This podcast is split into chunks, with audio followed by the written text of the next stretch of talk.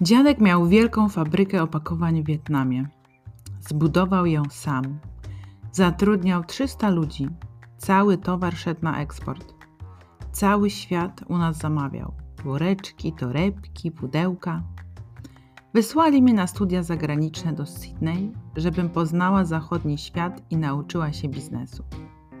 Miałam wrócić za 3 lata i przejąć fabrykę. Potem miałam wyjść za mąż za jakiegoś bogatego, starszego przedsiębiorcę, najlepiej przyjaciela rodziny. Studia były fajne, ale życie po zajęciach było jeszcze lepsze. W końcu mogłam wyjść z domu bez pytania o pozwolenie. Nie wróciłam po trzech latach.